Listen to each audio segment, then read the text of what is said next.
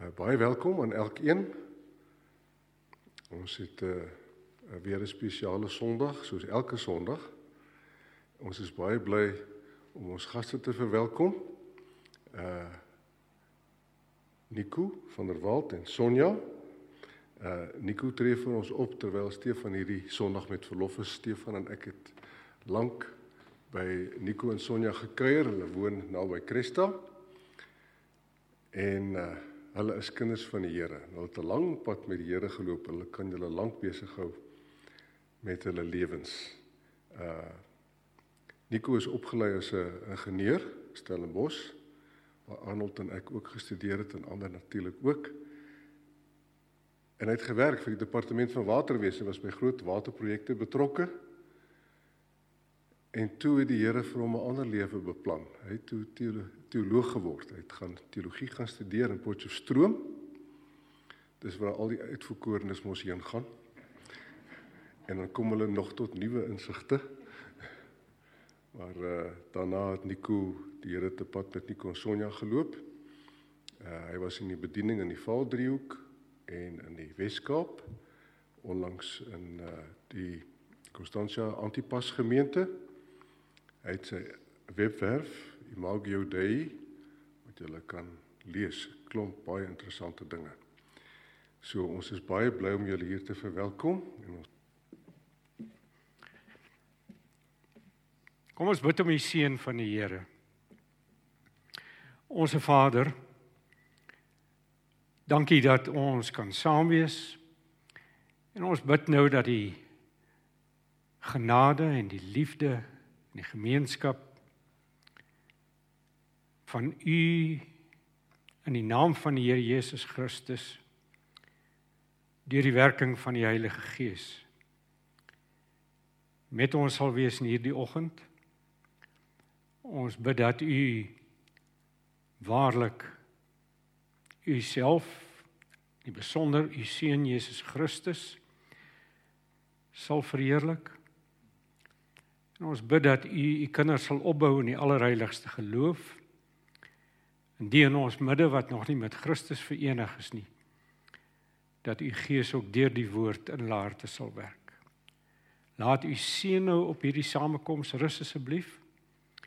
Ons vra dit met groot vrymoedigheid en afwagting. Amen. Amen. Nou soos jy gehoor het, ek is nou hier vanmôre om die woord aan julle te verkondig aan ons, want ook ek moet luister. En mag dit geseën wees. Kom ons kom voor die Here in gebed. En ons vra sy seën op die bediening van sy woord asseblief. Kan ek net hoor u kan hoor almal? Is ek reg? Kom ons kom voor die Here.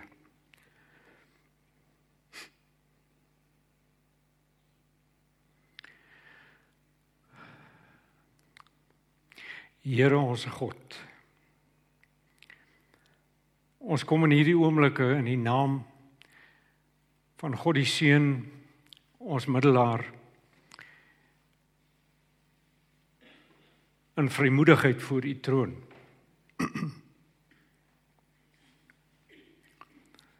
Maar ons kom ook in respek, ons kom in eerbied. En u weet dat u heilig, heilig, heilig is.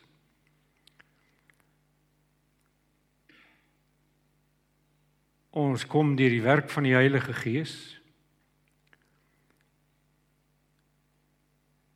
in diepe en algehele afhanklikheid en die gebed is ons gebed is dat u in hierdie oggend hier in ons midde 'n werk sal doen. Ons vra dat U ons sal toerus en innerlik verlig te hoor wat U werk sê. Wat U woord sê.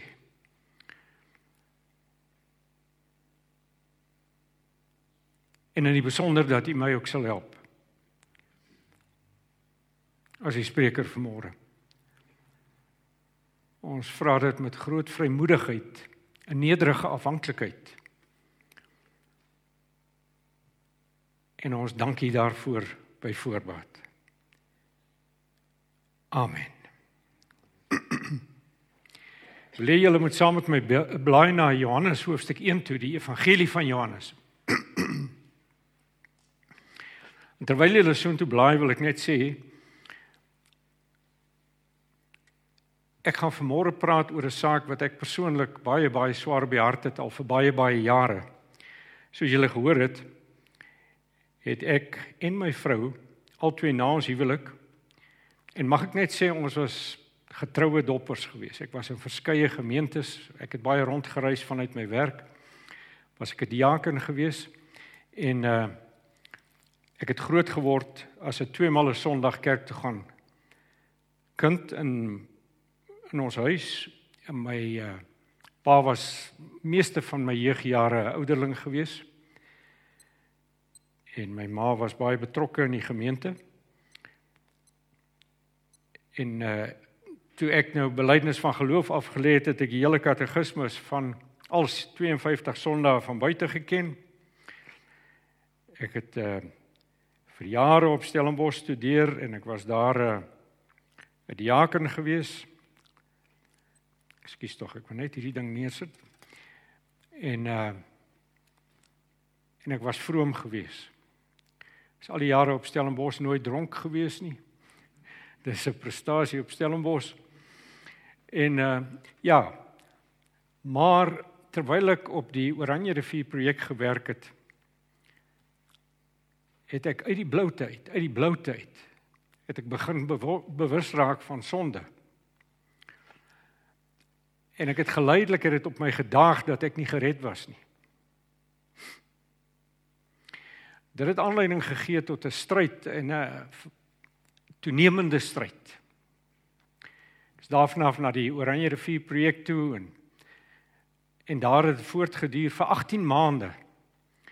Het dit erger en erger en erger geraak. Totdat ek uiteindelik gekapituleer het. Ek sê Here my God, nou weet ek. Ek was nooit gered nie. Nou dis bykans 50 jaar gelede. En die dag toe ek uiteindelik gekapituleer het, het ek 'n nuwe mens geword. My lewe het 'n handomkeer verander. Selfs geld vir my vrou, sy het 18 maande na my eers tot 'n bewuslike, waarneembare, onmiskenbare wedergeboorte gekom. En sedertdien is die herskepingswerk van die Here in ons lewens alles beheersend gewees en tot nou toe ons sê meermale vir mekaar die afgelope 2 3 jaar was van die rykste jare in ons lewens en ons wandel met die Here.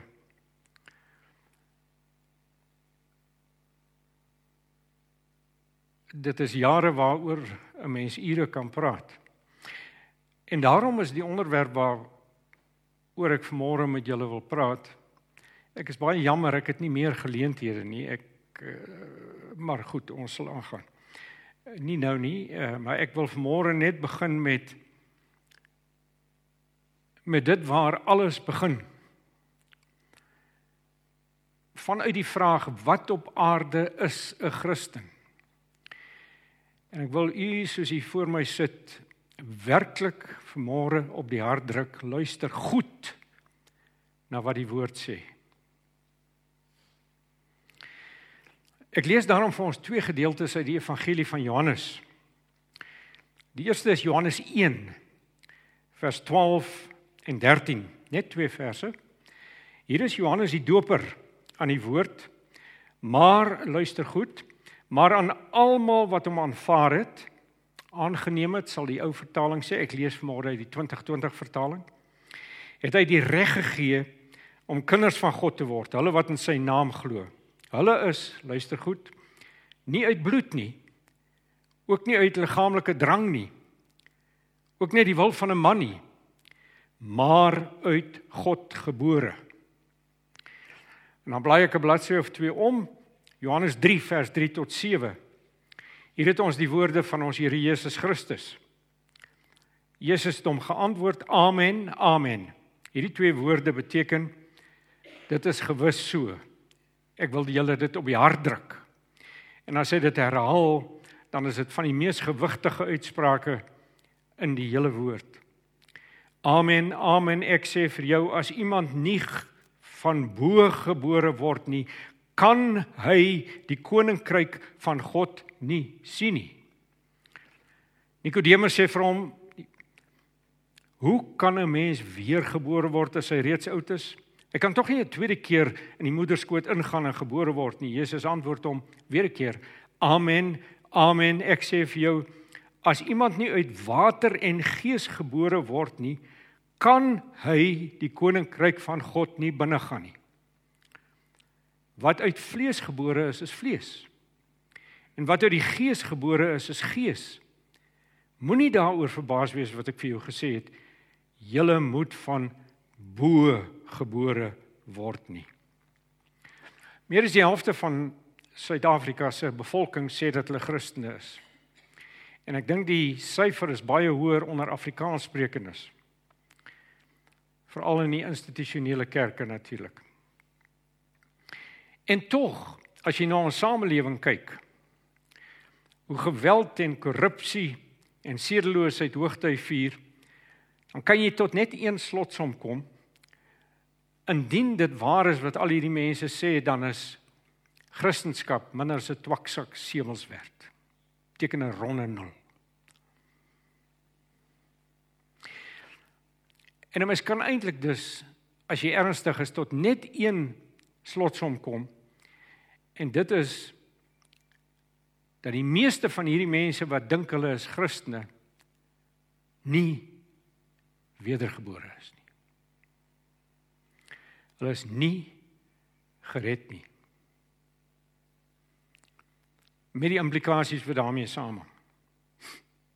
So, wat is 'n ware Christen dan? Jy sien dis 'n baie belangrike vraag hierdie, nie net dat 'n mens gered sal word, jy kan seker wees jy's gered nie, maar vals Christene is 'n struikelblok vir ongelowiges. Julle weet dit so goed soos ek.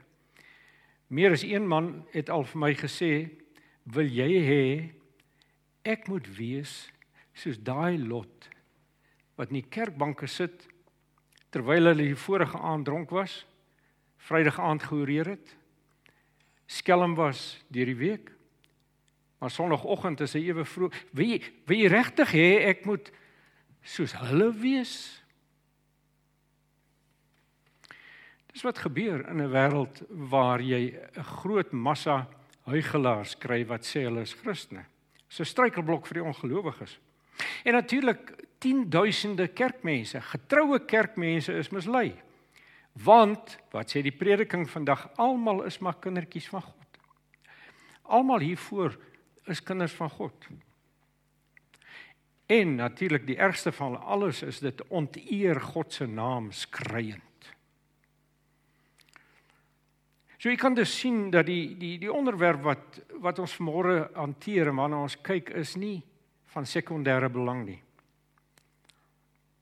Want dit is eenvoudig so tot die mate wat 'n uh, 'n gemeente vals Christene huisves. Tot daardie mate is daardie gemeente minder as wat hy moet wees.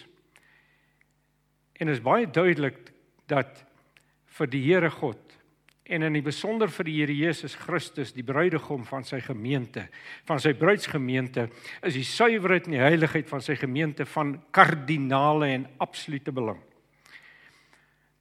So dit lyk vir my as daar een saak is wat op die kerk in besonder dan nou die kerk in ons land se agenda moet wees dan is dit hierdie vraag wat is 'n Christen en om in die lig daarvan dan terug te gaan na die woord toe om hierdie verwarring op te klaar.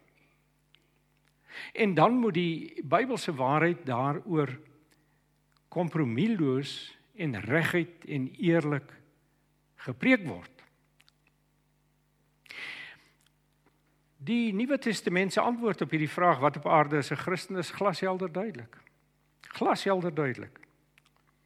Nou ek wil twee hoekpenne inslaan net eers. Twee hoekpenne.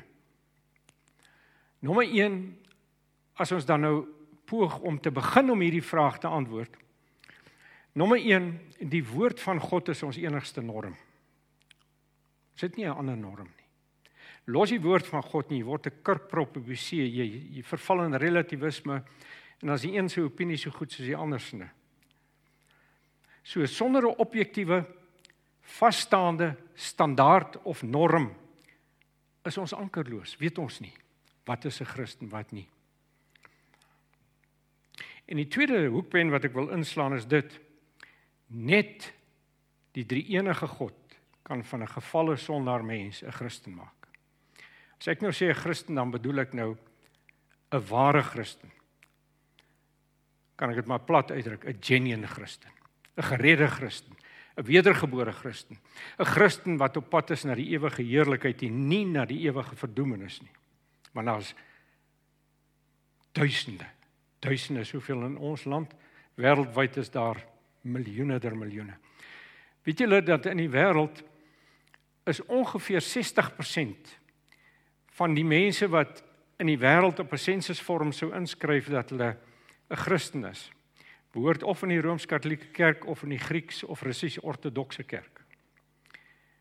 Nou, ek wil nie sê dat daar nie Christene onder hulle, hulle is nie. Ek is baie oortuig daar is ware mense wat gered is, wat waarlik gered is. Maar ek dink julle sal met my saamstem. Hulle teologie en hulle kerklike praktyke is heeltemal ver ver ver van die Bybel af. In elk geval, so nou wil ek 'n paar stellings net maak na aanleiding van wat ek sopas gesê het. Nommer 1 hier is nog 'n pen wat ek inslaan. Om 'n Christen te wees en 'n Christen te word is nie bloot 'n rehabilitasieproses nie. Dis inderdaad 'n herskeppingsproses. Dis 'n herskepingsproses. Jy word nie herskep soos ons nou gelees het uit ons twee teksgedeeltes. Tweede stelling wat ek wil maak. As jy nou vir mense sou vra wat is 'n Christen? As ek vir jou sou vra vanmôre, wat is 'n Christen?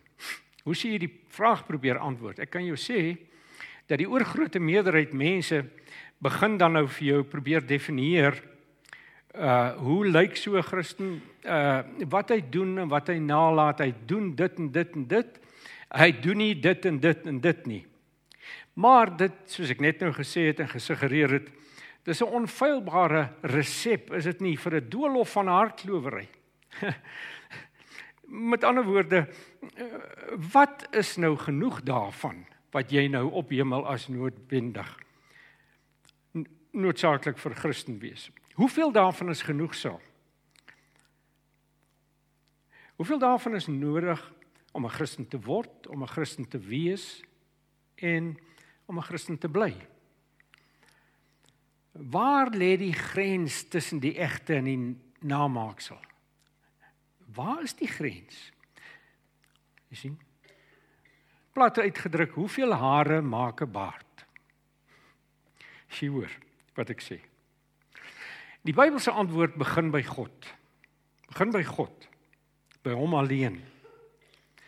Want jy sien, of hy maak van 'n gefalle sondaar mense Christen of hy sal nooit tot in ewigheid 'n Christen wees nie. As ek nou vanmôre die woord 'n Christen gebruik, bedoel ek iemand wat genuine gered is, herskep is. En dit is wat die regsinnige kerk deur die eeue geglo het, hoor. Uh en bely het, gaan lees maar die belydenisskrifte. En dit dit word uitgespel in die belydenisskrifte. Daarvoor almal om te lees. 'n Vierde punt wat ek net wil verstaan. Ware Christene verstaan waarvan ek nou praat. Hulle verstaan dit proefondervindelik want hulle het dit aan eie lyf ervaar. Ek wil tot nou toe wat ek gesê het net so afsluit. 'n Sondaar word nie 'n Christen deur God se lig binne te beer nie. Hy word 'n Christen as God sy duisternis soewerein binnetree.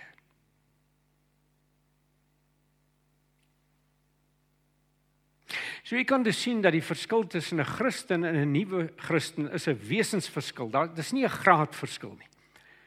Dis 'n wesensverskil. Met ander woorde om 'n Christen te wees of 'n Christen te word is nie bloot om jou godsdienstige sokkies 'n bietjie hoër op te trek nie. Uh die verskil tussen Christene en nie-Christene is nie soos uh die 11 pistoolskoot op die Comrades marathon nie. Die ou wat daarom nog in is, maak dit met 'n halftree. En die ou wat dit mis, mis dit met 'n duim met 2 cm, 2.5 cm. Nee, nee, nee, nee. Die verskil tussen 'n Christen en 'n nie-Christen, sê ek weer vir u, is die is 'n wesensverskil. Dis nie die verskil tussen twee gestaltes wat min of meer dieselfde is nie. Nee, nee. Hulle behoort aan twee verskillende kategorieë. Twee heeltemal verskillende kategorieë. Want hulle leef in twee verskillende koninkryke. Hulle is of in Christus of hulle is nog in Adam en ek hoop u hoor ek praat nou baie gereformeerde taal sê ek vir die ouderlinge hoor by hulle of ek gereformeerd praat nee nee ek praat nie gereformeerd nie ek praat Bybels wat terloops ook gereformeerd is wil ek vertrou met ander woorde 'n persoon is of gered of hy's onder die toorn van God. Punt. Luister wat sê die apostel Paulus wat skryf in 2 Korintiërs 5 vers 17. Daarom as iemand in Christus is, is hy 'n nuwe skepping. Die ou dinge het verbygegaan, kyk hulle het nuut geword. Laat ek net dadelik sê ervaring en waarneming sê vir ons hierdie oorgang van die een na die ander is nie altyd so dramaties in my geval het dit oornag gebeur my vrou se geval ook. Maar uh party mense, ek kan vir jou ander honderde voor tientalle voorbeelde noem van mense wat as kinders gered is. Werklik 'n reddingservaring gehad het. Ek wens ek het tyd gehad dat ek van hierdie getuienisse kon gee. Een seentjie wat ons baie goed geken het, 10-jarige seentjie. Ek gaan nie sy storie vertel nie, maar ek wil net dit sê. Hy het ook deur 'n tyd van sonde besef gegaan. En toe hy skielik net hy, hy het altyd gekla, hy kan nie verstaan wat wat preek oom Nico nie. Dis nou ek daai.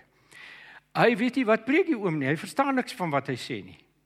As sy ouers vir hom verduidelik, maar hy het net sy kop geskit en omgedraai. En toe skie, skielik eendag toe hy hulle in die kar klim, toe sê hulle sê hy vir hulle pa en ma, weet julle, ek het vandag verstaan waarvan oom Nico praat. Hy is terloops kort daarna doodgeskok op 'n sinkdak toe hy 'n bal gaan afval het. Die sleutelvraag is uiteindelik nie wat doen 'n Christen nie. Die sleutelvraag is wat is 'n Christen? Jy sien 'n mens is nie 'n Christen omdat jy op 'n bepaalde manier leef nie. Jy leef op 'n bepaalde manier omdat jy Christen is. Nou, nou kan 'n mens aflei as daar dan 'n wesensverskil is tussen Christene en nie-Christene. Moet daar sekere eienskappe wees wat Christene, ek praat van ware Christene het wat jy nie in 'n nie-Christen kry nie. Daar moet sekere eienskappe wees, want dit is 'n wesensverskil. Nou is dit die vraag, wat is daardie eienskappe?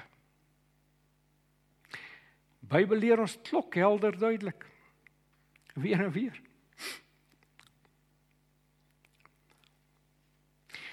En die eerste ding wat ek wil tuisbring is God se herskepingswerk in 'n persoon is 'n diep ingrypende hartsverandering. Ek wys nou maar hier, maar eintlik moet ek so wys. Ons harte sit in ons koppe in die Bybelse sin van die woord. Want jou hart is die essensie van jou wese. Daar waar alles bepaal word wie en wat jy is. En dit hierdie herskepingswerk is in die volste sin van die woord lewensveranderend. Maar goed, Waaraan ken ons dit dan? Maar kom ons gaan net terug na ons teks toe anders sê julle sê die man lees 'n vers of hier en daar en hy preek nie die woord nie. Hoe kan ek dus weet? So ek beklemtoon dit herhaaldelik nou al vanmôre, dis lewensbelangrik. Dis ewigheidsbelangrik. Nou ja, ek het nou probeer vanmôre tuisbring by julle. Dit begin by die wedergeboorte. Ek wil net dadelik sê is so baie oor hierdie dinge te sê, maar die wedergeboorte is deel van wat ons noem die skep herskeppingsproses of die Ja, die eintlik is die herskeppingsproses volgens die Nuwe Testament begin in die ewigheid voor die grondlegging van die aarde. By die uitverkiesing. Ek is so dankbaar as 'n gereformeerde kerk wat ek dit kan sê sodat ek is seker hier nie niemand neem aanstoot daar nie. En dit loop deur, dis 'n proses dwars deur jou lewe en dit loop in die ewige toekoms in, hierdie herskeppingsproses. En ons, die van ons wat inderdaad wedergebore is in hierdie saal nou of in die kerkgebou vanmôre, is in daardie proses. En daardie proses bestaan uit sekere logiese uh, komponente as ek dit so kan uitdruk en uh die wedergeboorte is die begin let mooi op die begin van 'n belewings uh of 'n belewing van hierdie herskepping. Voor die tyd het jy niks van geweet nie wat vooraf gebeur het nie. Maar dan raak jy bewus daarvan jy is herskep of jy word ja, jy is herskep. Want die bewuswording kom na die herskepping, maar goed. En dit begin, dit is dan proefondervindelik die begin van jou lewe as Christen. Ek sê weer, dit kan skielik wees, dit kan oor 'n tydperk kom, dit kan op 'n duisend verskillende maniere gebeur. Elke ou het sy eie storie. Nou, as ons net vinnig kyk en ek het julle Bybels voor julle asseblief, die wat Bybels het, die ander behoort hulle te skaam. Ehm um, ons ek wil net 'n paar opmerkings maak uit Johannes 1 vers 12 en 13. Dit gaan hier oor die goddelike inisiatief in die wedergeboorte. Die goddelike inisiatief. Ons lees in die voorafgaande voordat ons nou by die verse kom wat ons gelees het dat die meeste mense het Jesus verwerp. Dit weet julle so goed soos ek. Hulle wou nie na hom luister nie. Uh en hulle het ook Johannes die Doper uh verwerp. Hulle het gaan luister na hom sê hulle wat. Maar dan sê Johannes die Doper daar in vers 12 van Johannes 1 dat daar tog diegene was wat hom aangeneem het, wat hom aanvaar het. En sodoende het hulle kinders van God geword. Maar let nou op as ons nou weer kyk na vers Hulle neem hom aan. Hoekom? Omdat hulle in sy naam glo. Die van julle wat die 2020 voor julle het, sal agterkom ek quoteer woord vir woord hier uit die uitspraak daar. Omdat hulle in sy naam glo. Hulle hulle hulle hulle neem hom aan, hulle omhels hom. Omdat hulle glo. Dis tog logies nie waar nie? Omdat hulle glo. Maar let op, hy gaan dan verder in vers 13. Hulle glo in hom omdat hulle 'n wonderlike geboorte ondergaan het. sien julle dit? Kan julle dit sien? En dis nie 'n natuurlike geboorte nie. Dis nie 'n geboorte uit die mens nie. Wat wat staan daar? Dis 'n geboorte uit God uit. Kan julle dit sien? As iemand vir my verskil as jy as jy sê ek ek ek sê nie wat in die Bybel staan nie, steek jou hand op. So ons kan dus sê Luister. Om gered te word is noodsaaklik dat jy Jesus Christus sal aanvaar. Uh meer bekend is die ou vertaling en die nuwe vertaling wat sê aanneem. Jy omhels hom. Dis die hele gedagte. Jy omhels Jesus Christus. En ons sou dit kon uitbrei in terme van die res van die Nuwe Testament as jou groot profeet, jou groot priester en jou groot koning. Maar jy na aanleiding van hoofstuk 1 vers 1 daarvan Johannes begin en besing Jesus Christus as die woord van God. As jy na vers 1 sou kyk. So jy neem hom aan as die vlees geworde woord met alles wat dit impliseer en dit is iets wat die mens doen. Stem julle saam? Jy neem hom aan. Jy. Ja, jy. Ek neem hom aan. Dis iets wat die mens doen. Maar die apostel gaan verder. In vers 13. Kyk na vers 13 daar. So 'n persoon word daartoe in staat gestel. Hoe? Deur 'n bonatuurlike geboorte. En dis iets wat God doen.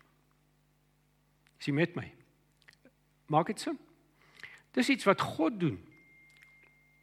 So dit is duidelik dat die oorsprong van daardie eerste handeling van 'n mens om Christus aan te neem. Daardie eerste handeling wat hom 'n Christen laat word en as Christen kenmerk lê in 'n dieper herskeppende werk van die Here God self. Deur sy gees. En is hierdie werk wat Johannes noem 'n geboorte uit God. En dis waarvan ons praat, ons praat van die wedergeboorte. Nou wil ek enkele opmerkings maak net oor Johannes 3 waar die Here Jesus in daardie naggesprek met Nikodemus praat.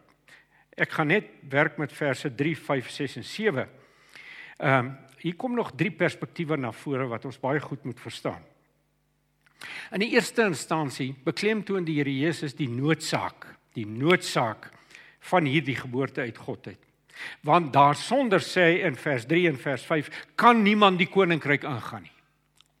Daarsonder kan niemand die koninkryk ingaan nie. Die noodsaak daarvan dus. En daarom moet ons sê alle ware Christene is wedergebore en alle wedergeborenes is ware Christene. En dit wys. Tweedens in die tweede plek gee vir ons 'n antwoord op die vraag waarom is die wedergeboorte dan so noodsaaklik? Waarom is dit so noodsaaklik?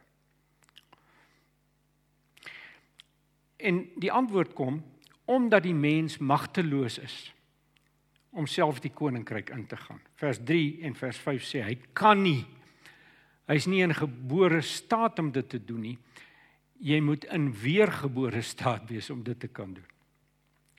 So dit is hoekom die wedergeboorte so noodsaaklik is. Nou ehm uh, en hoekom kan jy nie? Hoekom kan jy nie? Wel, in eerste instansie jy kan nie die koninkryk sien nie. Jy sien nie die koninkryk nie. Sê vers 3. Jy sien hom nie. Waaroor raak die mense so opgewonde? Kan dit nie sien nie. Hoekom is Jan so anders? Ooh, wat het hoekom is hy so anders? Dis al wat jy sien, maar jy weet nie wat uiteindelik aan hom gebeur nie.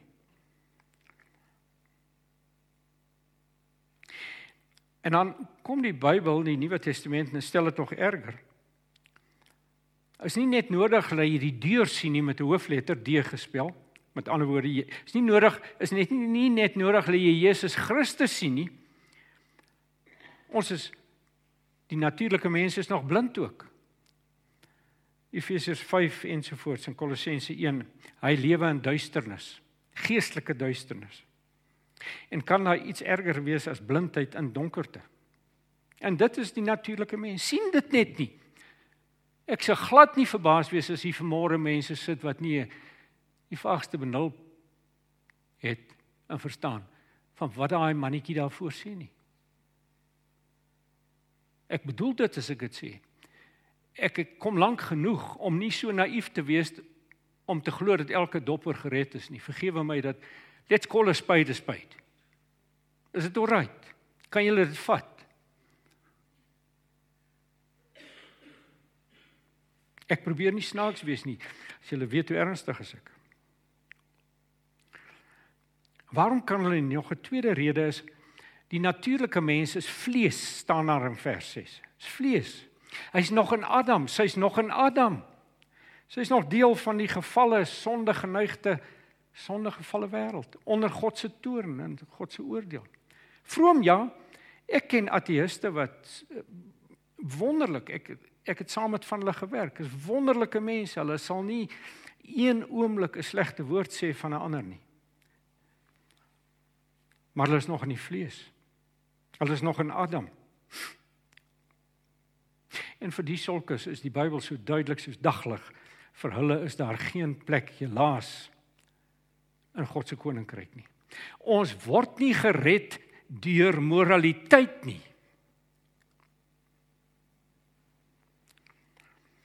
So 'n nuwe geboorte, so 'n wedergeboorte bevry jou van die Adams erfenis. Jy word uit 'n ou mens uit 'n gefalle mens uit uitgehaal. Jy word weer 'n keer gebore.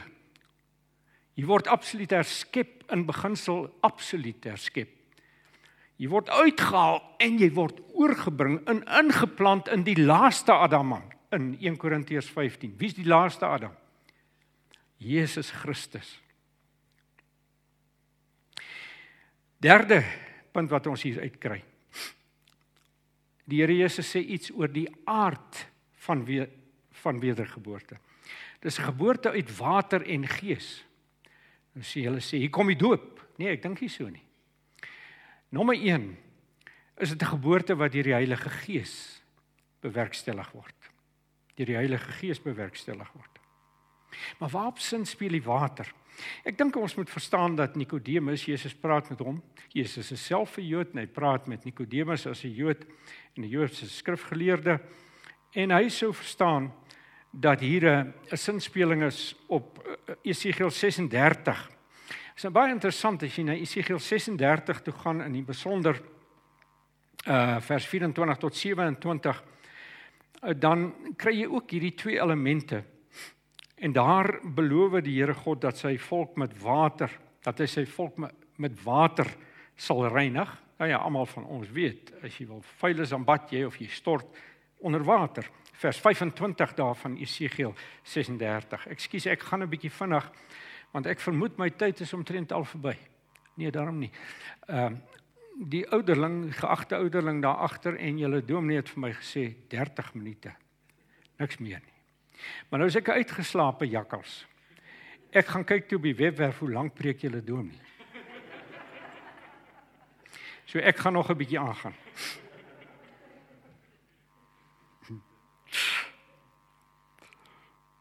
Ek is baie ernstig, maar ek het nou humor se nog. En dan kom die Here God daar in Esegiel 36 en vers 27. Dan beloof hy die groot gawe van die eindtyd. Die groot gawe van die eindtyd is die Heilige Gees. Maar nou baie interessant, die van julle wat dalk daar 'n uh, 'n Bybel oop het, ek weet nie, ek is nou 'n bietjie vinnig vir julle. Vers 26, tussen hierdie twee verse waar hy praat oor die water en die groot gawe van die eindtyd, kry ons daar iets wat van die allergrootste belang is in vers 26. En ons kry daar 'n antwoord op ons vraag.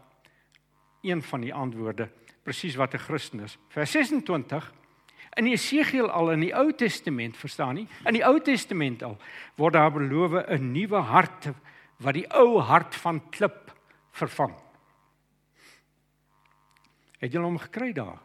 Ek wil net hê julle moet kontroleer dat die mense rustig is dat hierdie man nie ketter daarvoor nie. en 'n hartsverandering. Ek sê weer dit is die sentrum van jou persoonlikheid. 'n Hartsverandering bring onvermydelik 'n gedragsverandering. En so sorg of maak die Here deur sy gees dat mens sy vaste voorskrifte volg en sy bepalinge nakom en uitvoer. Ek quoteer as ek hier praat. Dis hoekom ek hier lees. Ek haal aan. Nou moet 'n mens die vraag vra, nee, maar wat is hierdie merktekens wat jou uitwys as iemand wat wedergebore is? Wat op aarde is dit? Nou kom die einste skrywer Johannes en hy skryf, hy wy tot 'n groot mate sy eerste brief hieraan. Ek is nou op pad daarna toe om vir julle huiswerk te gee want my my tyd is besig om uit te loop. Ek is al by 33 minute. Maar daar sê hy vir ons in sy eerste brief en ek gaan dit nou-nou vir julle gee die huiswerk. Uh presies hoe hierdie genade werk in 'n mens tot uitdrukking kom wat wedergebore is. Hy gee vir ons vyf merktekens. Onmiskenbare merktekens. En weet julle wat? Nou sê ek weer vir die doppers dit. Gaan lees nou 'n bietjie die Nederlandse geloofsbelijdenis artikel 29. Het julle al gehoor van die Nederlandse geloofsbelijdenis? Het julle al daarvan gehoor? Artikel 29, maar laat ek dadelik sê, lees die hele artikel. Nie net een of twee goedjies nie. Lees die hele artikel is is hy's nie te lank nie, maar maar maar maar hy, hy sal jou hy is versigtig geformuleer as jy jou 5 minute vat om te lees dalk. Maar hier kry jy hierdie merktekens. Daar kan jy sien ons Vader het hierdie dinge verstaan. Dis nie iets wat die doppers nie weet nie.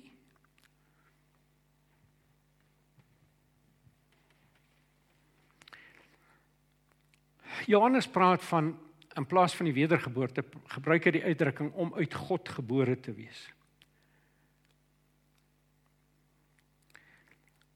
Nou ek gaan nou die vryheid vat om nog 'n paar van julle minute te vat. Ek wil julle hierdie 5 net lees.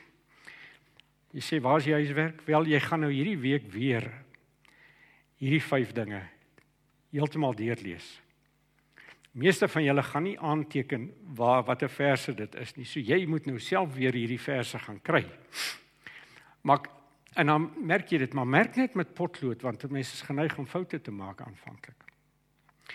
Maar in elk geval die eerste een, die eerste merkteken is in hoofstuk 5 vers 1. Luister hoe stel hy dit?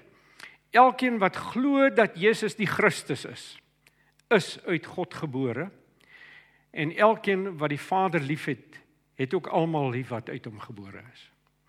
Nou sê ja, maar ek glo Jesus is die Christus. Maar nou moet 'n mens gaan kyk en hiervoor het ons nou nie tyd nie. Mens moet nou behoorlik in die skrif gaan ingrawe wat is saligmakende geloof?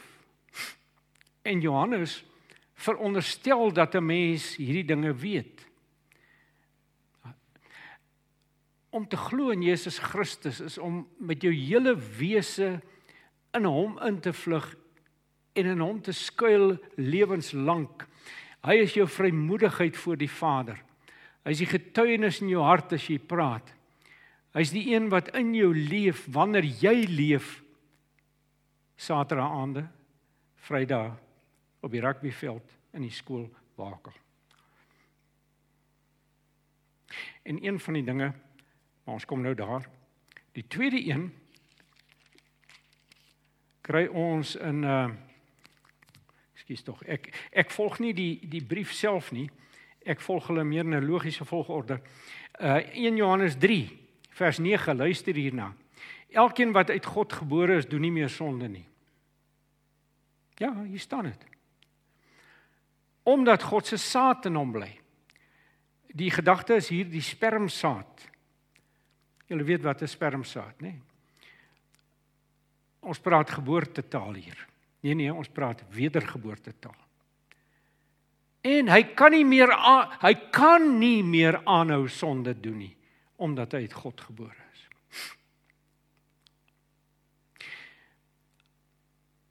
Ek dink die al drie die Afrikaanse vertalers vertalings vertaal so en daar is goeie rede voor, maar as 'n mens nou die Grieks gaan lees, net om 'n bietjie vir julle 'n bietjie verligting te gee.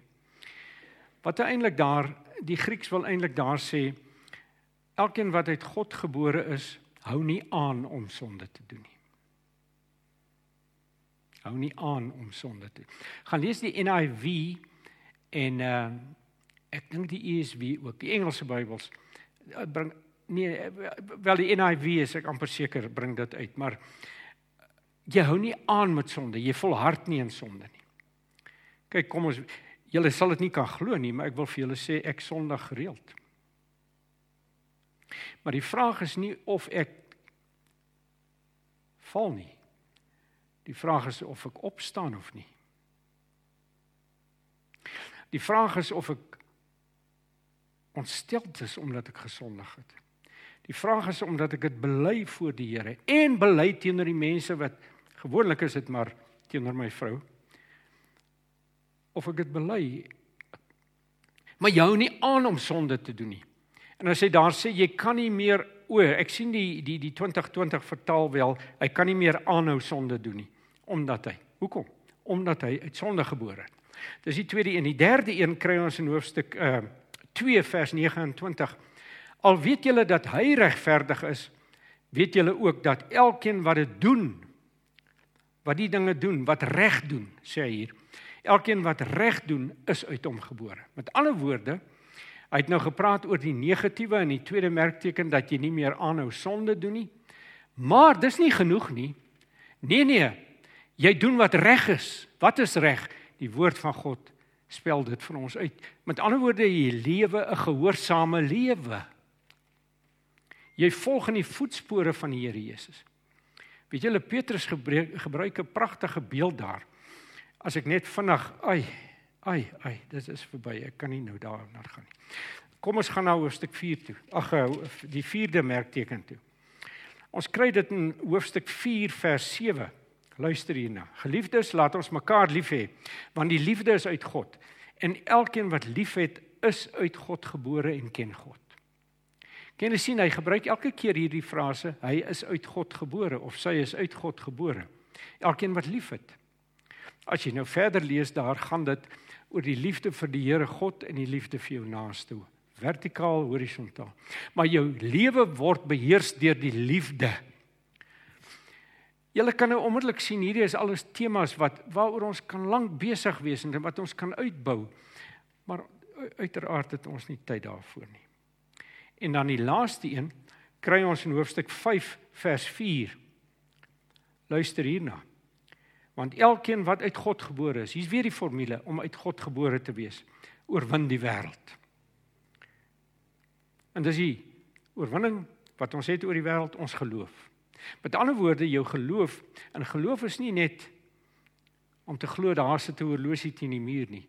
Geloof is om met jou hele wese geloof in Christus in hom in te vlug, in hom te skuil dag na dag in jou gebedslewe en om te skuil en dieper en dieper al hoe dieper en dieper in hom in te kruip.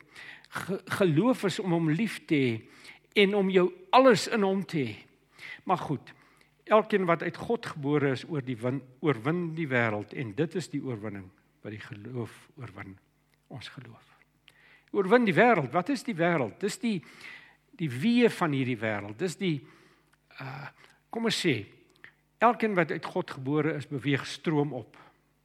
Stroom op. Nou jy sal weet as 'n mens in 'n rivier swem om stroom op te swem is moeilik saam te swem, jy dryf net saam. Jy dryf op 'n lig ligmatras, lekker daar. Maar 'n Christen per definisie is 'n stroomoploper.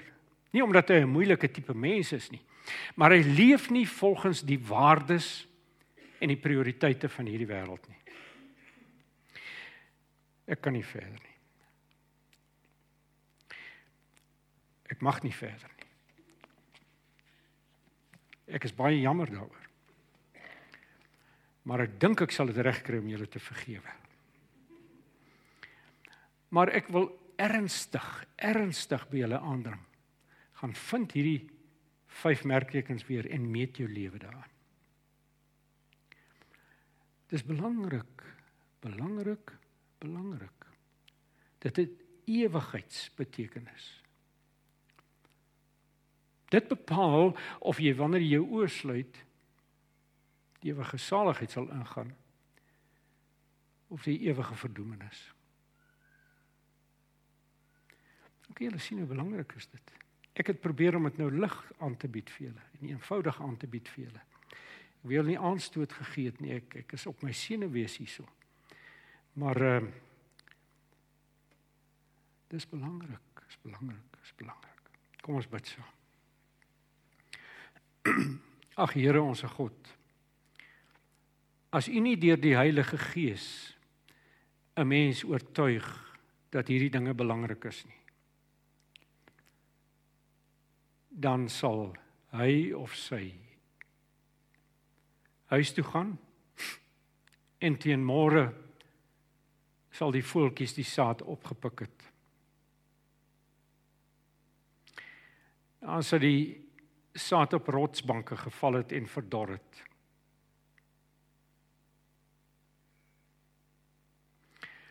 Dis u wat die lewe moet gee.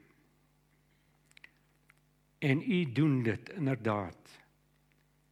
Ook in hierdie dag in die lewens van duisende mense oor die hele wêreld.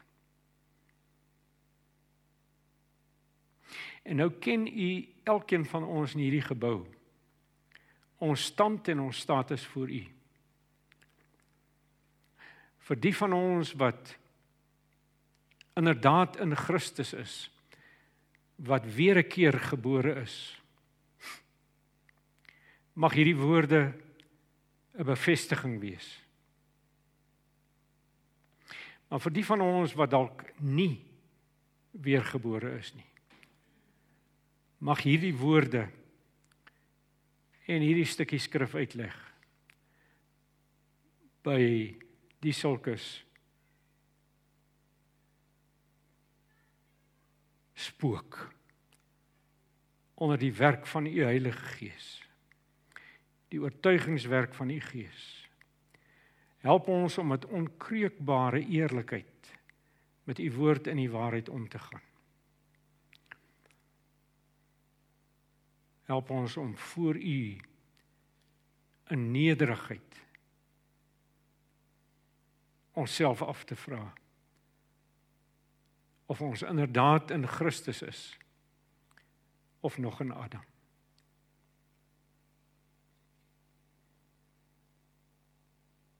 Amen. Amen.